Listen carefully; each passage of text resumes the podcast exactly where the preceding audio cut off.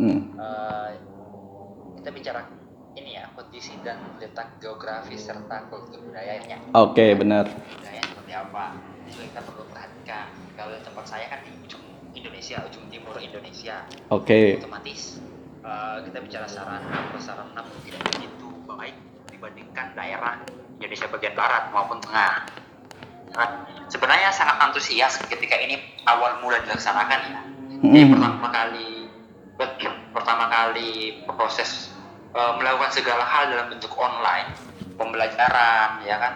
Dan pekerjaan semua dalam bentuk online baik dengan mahasiswa maupun dengan sesama rekan kerja. Ini sebenarnya awalnya sangat antusias.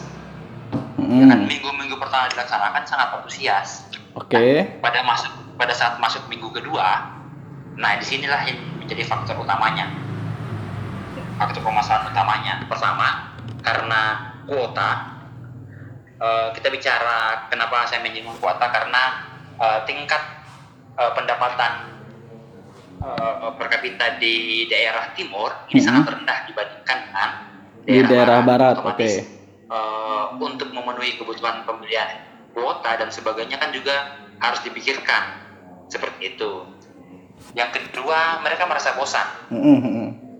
Ya, ya ini wajar karena masih awal, ya kan. Merasa bosan bukan karena bosan eh, mengikuti perkuliahan atau mengikuti kelas-kelas online, Mhm. tapi karena mereka tidak bisa ke mana-mana Mm, mm, mm. dan berdampak kepada hal itu. Oke. Sebenarnya larinya gitu. Oke.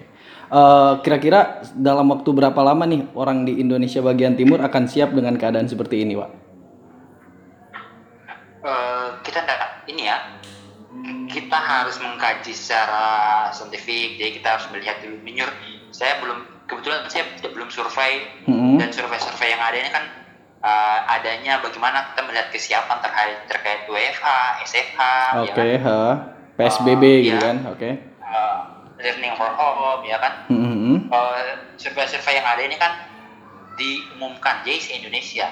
Namun data-data yang ada kebanyakan ini data diisi oleh daerah wilayah Indonesia Barat maupun Indonesia Tengah. Sedangkan Timur itu datanya sangat sedikit.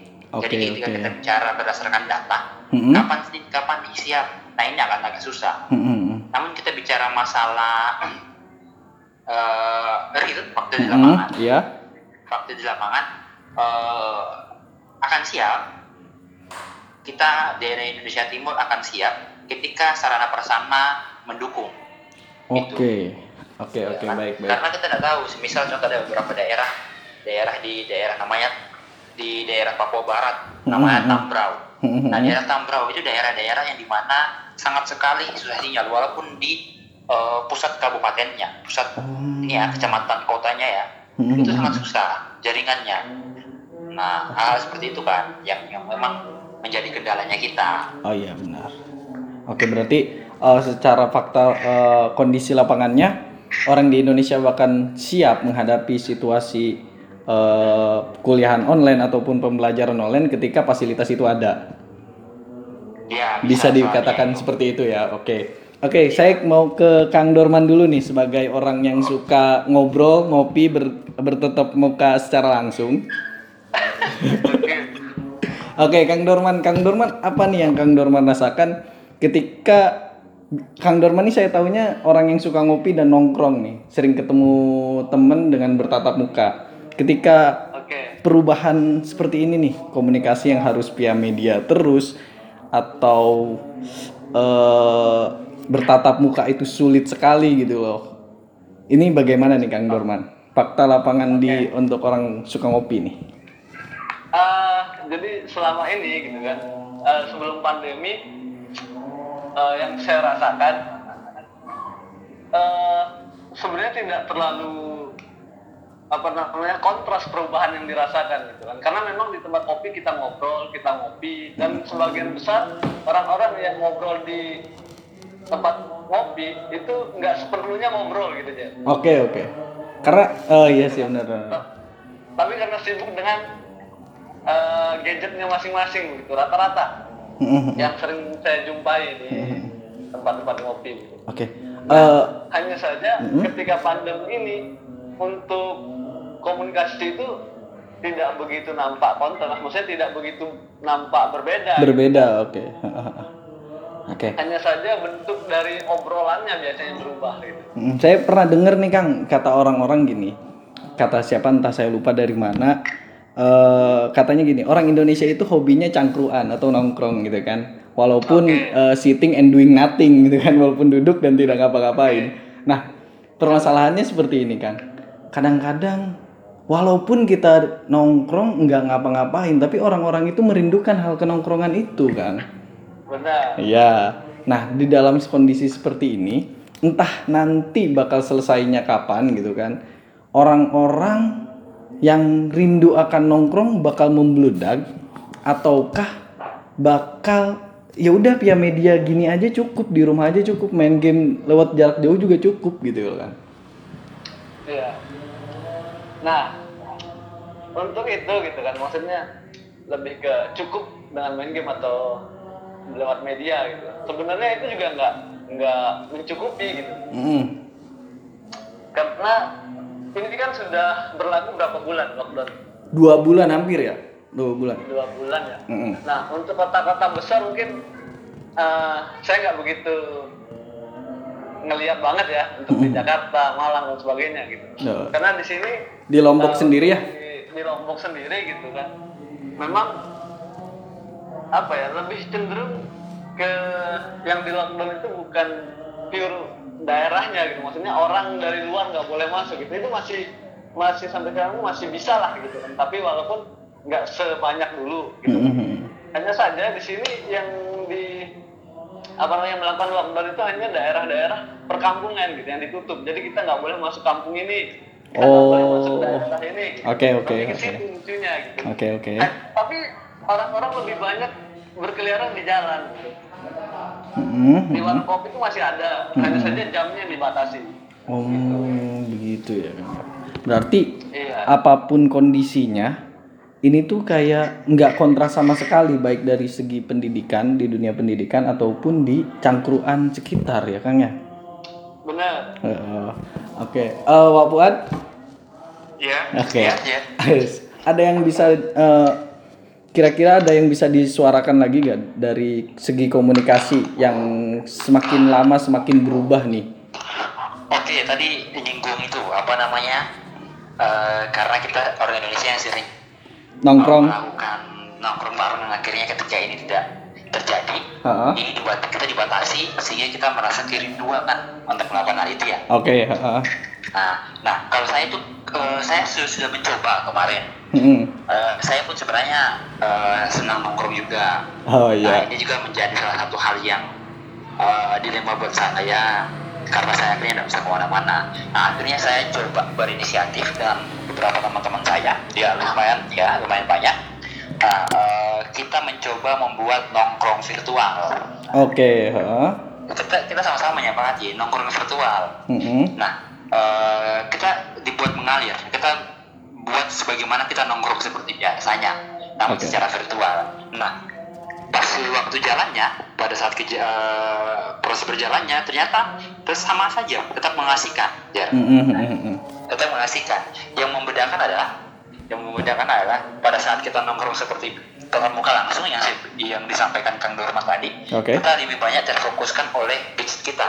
Ah. Sedangkan ketika kita ngobrol dibilang langsung janjian ya untuk nongkrong virtual, Mm-mm. nah di sini ternyata kita punya rasa keingintahuan terhadap apa yang teman kita sampaikan. Nah, akhirnya kita memperhatikan. Nah, ini ini sebenarnya salah satu hal yang eh, menarik karena eh, tadi yang saya sampaikan kita dibuat akselerasi untuk menerima hal ini seperti itu JR. Oke oke. Oh iya saya paham paham paham. Hmm, berarti menarik juga nih antara eh, soal komunikasi yang akan berubah seiring berjalannya waktu. Menarik sekali. Eh, eh, eh, eh. Gimana ya? Saya hmm, cukup terkesan dengan kalian berdua. Saya sudah dan menurutku eh, virtual kayak gini pun kita ngobrol walaupun dengan tema ya ini ada agak sedikit benar kata Wapuan sedikit melepas kerinduan juga sih.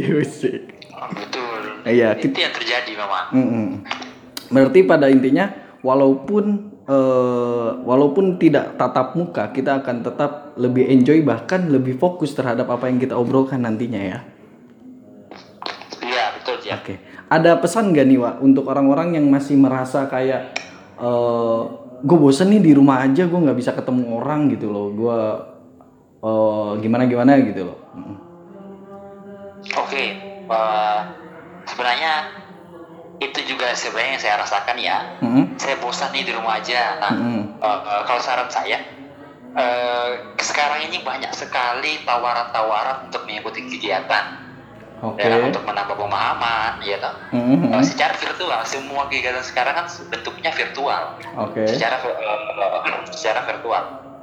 Nah, eh, kalau menurut saya yang harus kita yang bisa kita lakukan sekarang adalah memanfaatkan hal itu. Mhm. Karena mau kapan lagi kita diberikan akses yang mudah untuk mendapatkan pengetahuan-pengetahuan itu, pengalaman-pengalaman itu. Oh, iya iya. Itu sih ya. Oke, oke. Jadi sama yang tadi saya sampaikan, ya silahkan teman-teman semisal punya komunitas dan sebagainya, Hmm. silahkan saja dibuat nongkrong virtual, semisal atau bukber virtual, buka bersama-bersama virtual. Ya kalau tarawih virtual ya enggak ya. Tidak. Ya. Oke oke. Oh, Oke oke oke. Tapi ya mm, hal-hal kegiatan yang yang bisa kita maksimalkan itu mengikuti kegiatan-kegiatan yang bersifatnya virtual. Ya, misal kita bosan, kita sudah mengikuti, terus kita bosan hanya menjadi seorang pendengar. Hmm. Ya silahkan buat di mana kita menjadi seorang pembicara. Ah. Kan simpel tuh sebenarnya. Oke. Kita diberikan dua pilihan, mendengar atau berbicara. Oke. Itu ya harus lakukan. Oke. Eh, akhir eh, sempat saya mikir juga kayak gini nih, mungkin bermanfaat untuk orang-orang lain juga ya.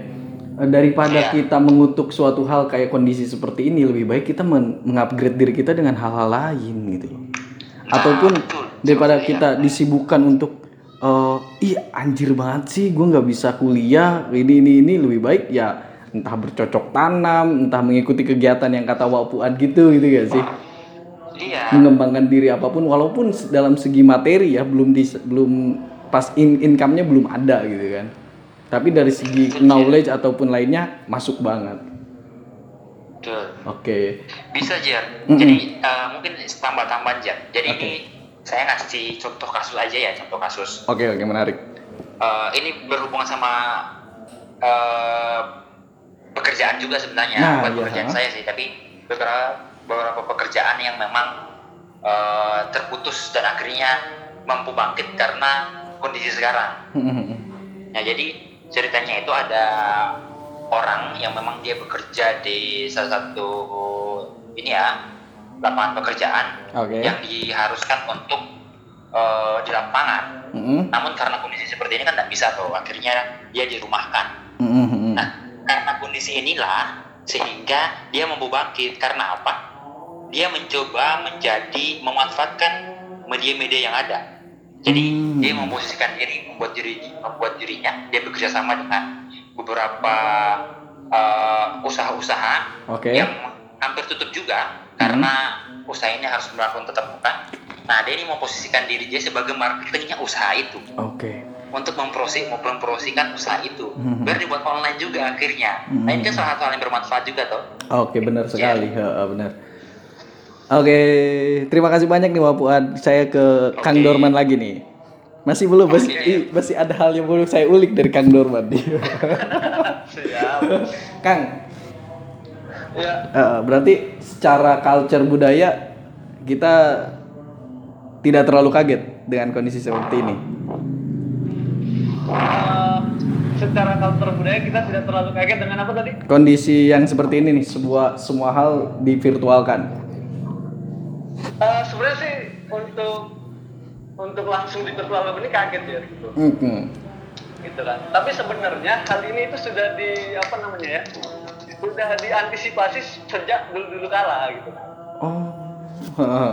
Jadi di tahun 2010 itu kalau tidak salah itu pernah ada programnya pemerintah untuk menyongsong era 4.0 ya sekarang ya? Oke, iya mau ke iya. Sudah naik. Mau mau kayaknya mau ke 5.0. Ah, jadi du- dulu itu punya program pemerintah tentang eh, desa internet kalau tidak salah. Jadi Oke. di, di setiap desa itu sudah masuk internet gitu kan dari 2010. hanya saja mungkin sampai sekarang program-program ini eh, tidak dikawal dengan baik gitu. sehingga di desa-desa atau masyarakatnya sendiri belum memahami betul apa itu internet seperti itu. Hmm, hmm, hmm, hmm. Nah, karena sekarang pun sudah era 4.0 gitu kan, apa-apa sudah online dan benar katanya Wak Fuad tadi, eh, pandemi ini jadi salah satu pencet apa bukan pencet salah satu eh, Langkah cepat. energi yang bikin akselerasi tadi gitu. Oke. Gitu. Oke. Tapi tidak semua masyarakat kita eh, peka akan itu. Jadi ada beberapa yang kaget, yang stres, yang depresi dan sebagainya. kan. Karena kesusahan menggunakan media tadi. Oke oke baik baik terima kasih nih Kang Dorman. Ada pesan gak nih untuk orang-orang yang masih eh, mengeluh terhadap kondisi seperti ini dari komunikasinya? Oke, Eh, pesannya sih simpel aja sebenarnya gitu. Sesuai dengan apa yang saya rasakan juga. Mm-mm. Sebenarnya eh, yang dilarang itu kan kita interaksi secara langsung dengan orang lain gitu kan. Oke Padahal jarak sendiri kita sudah di apa sudah diberikan gitu kan. Eh, berikan apa ibaratnya eh, misal kita bisa bertemu asalkan jarak paling tidak 1 sampai 2 meter gitu kan. menggunakan masker dan menggunakan eh, Sarung tangan. cuci Iya, tangan, pakai sabun dan sebagainya. Kalau kita sudah eh, sudah melakukan hal seperti itu kalau tidak terdesak gitu kan. Kalau terdesak menggunakan itu kita masih bisa gitu berkomunikasi Oke seperti itu. Oke terima kasih banyak nih Kang Dorman dan Wapuad. Oke lumayan cukup bermanfaat bermanfaat lagi semoga eh, bertambah mm, bertambah apa ya bertambah wawasan untuk orang-orang yang mendengarkan. Amin. Amin ya. Mungkin Pak Fuad bisa promosi nih ruang torangnya. Eh apa? Gimana? Oh iya. Oh, Enggak, jadi. Saya sedang terima kasih atas uh, kesempatannya ya Jer. Oke, saya follower saya banyak juga nih. Oh, uh, belum berjalan sebenarnya. Oke. Jadi saya sedang mengonsep uh, sebuah uh, platform yang dipakai sebenarnya untuk se- sekarang masih Instagram ya. Tapi saya sedang mengonsep sebuah lembaga Garapan. yang- Lembaga ini namanya adalah Ruang Torang. Oke. Maksudnya adalah eh, di sini tempat kita bercerita. Eh, kalau bahasa daerah timur itu mari baca rita. Oke, ha, mari baca Rita. Mari baca rita. Hmm. Itu ayo ayo kita maksudnya adalah ayo kita berkumpul menjadi satu. Kita menyampaikan apa yang menjadi pemikiran kita. Kita Hmm. menyampaikan apa yang menjadi eh, aspirasi kita. Kita Oke. sharing ilmu dan sebagainya. Hmm. Nah ini yang dimaksud dengan mari baca rita. Oke. Nah, nah uh, ruang torang ini dibentuk untuk hal ini. Jadi uh, untuk mengupgrade ya kan pemahaman pengetahuan pengetahuan ilmu-ilmu uh, pada masyarakat-masyarakat di daerah timur khususnya sehingga ruang torang muncul. Namun ya itu sekarang masih proses ya. Saya masih proses uh, untuk uh, menjalankannya lebih baik seperti itu. Oke. Wah, mantap banget. Semoga sukses ya, Wak ya. Apalagi dalam kondisi Amin, seperti ini ya. Jadi ruang torangnya via virtual juga nih. Ya.